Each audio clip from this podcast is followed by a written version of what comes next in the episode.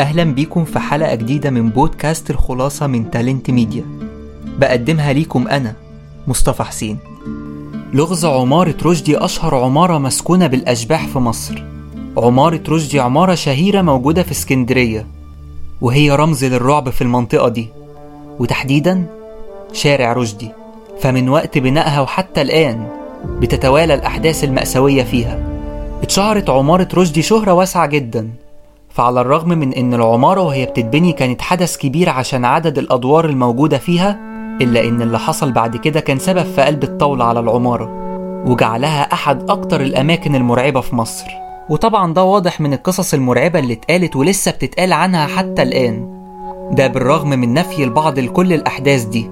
عموما خلونا نتعرف سوا على عمارة رشدي من قريب ونعرف تاريخها من بداية وضع الحجر الأول للعمارة. حتى أصبحت فيما بعد أسطورة للرعب والخوف. منزل اسكندرية المسكون اللي موجود في شارع أبو قير. المنزل من الخارج عبارة عن أربع أدوار محاط بسور حديدي مقفول وجميع البلكونات والشبابيك في المبنى مقفولين برضه المنزل من الخارج بيبعث الرعب في نفوس كل اللي بيتأمله وتحس من الوهلة الأولى إنك قدام شيء خارج عن المألوف. ولو اتشجعت وقربت هتحس بهاتف داخلي بيهمس في ودنك ويقول ابتعد عن هذا المكان. وعلى بعد أمتار قليلة هتلاقي كشك سجاير صاحبه عم حسن وهو راجل عجوز عدى الستين سنة ويعرف تاريخ المنزل ده. شاهد على كل اللي حصل فيه من عشرات السنين. اتبنى المنزل عام 1961 وصاحبه الخواجة اليوناني برديس اللي بناه وأحضر زوجته وأولاده الخمسة عشان يعيشوا فيه ومعداش أسبوع وخرج في رحلة صيد هو وأولاده. بس محدش رجع منهم عشان غرقت المركب بكل اللي فيه. واضطرت زوجته لبيع المنزل وتسافر بلدها فاشتراه محسن بيك وهو صاحب محل أخشاب شهير في الوقت ده. وقرر إنه يأجر الشقق ويعيش في واحدة منهم. وأجرت عيلة السيد ظريف شقة في الدور الأول.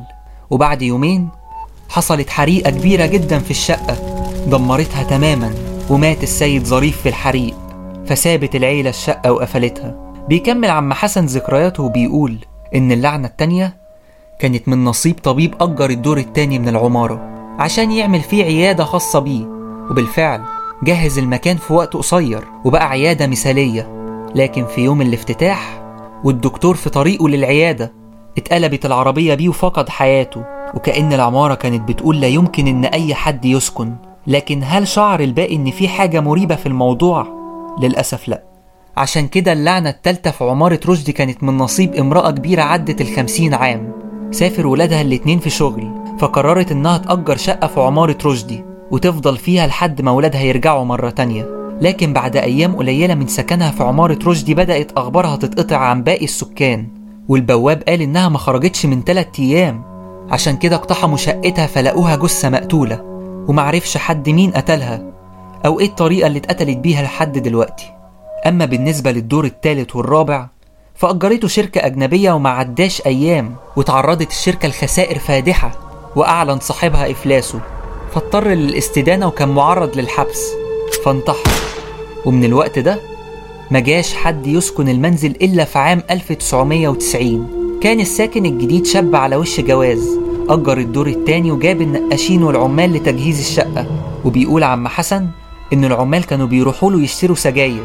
وقال له واحد من العمال إنه بيسمع أصوات عجيبة جاية من الحمام والأغرب إنهم بعد ما شطبوا الشقة جه العريس لاستلامها فلقى بقع حمراء على الحوائط لكنه مهتمش عشان الفرح كان على بعد ساعات وفي منتصف الليل جه العريس وعروسته بعد الفرح الشقة وبعد دقايق الناس لقت العريس والعروسة في الشارع مغمى عليهم فاتجمع حواليهم الناس وبعد ما فوقوهم حكى العريس ما لم يتخيله بشر.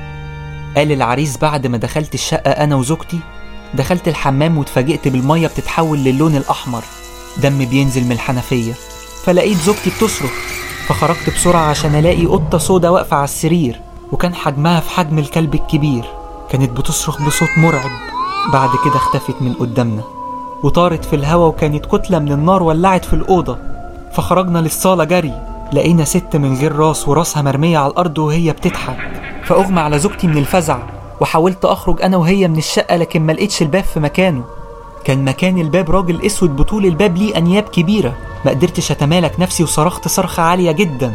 ولقيت نفسي أنا وزوجتي في الشارع. أحد الشيوخ قالوا إنه حاول دخول العمارة إلا إنه ملقاش السلم عشان يطلع عليه. اختفى. ومنهم اللي لقى السلم وملقاش أبواب شقق العمارة. وبيقول عم حسن إن الأرض اللي اتبنت عليها العمارة يقال إنها كانت مدافن مجهول أصحابها ويقال إن المدفونين فيها ماتوا في حوادث قتل غامضة وأرواحهم معذبة بتأذي كل اللي يسكن العمارة والشمس بتسطع على كل العمارات في الشارع إلا عمارة رشدي.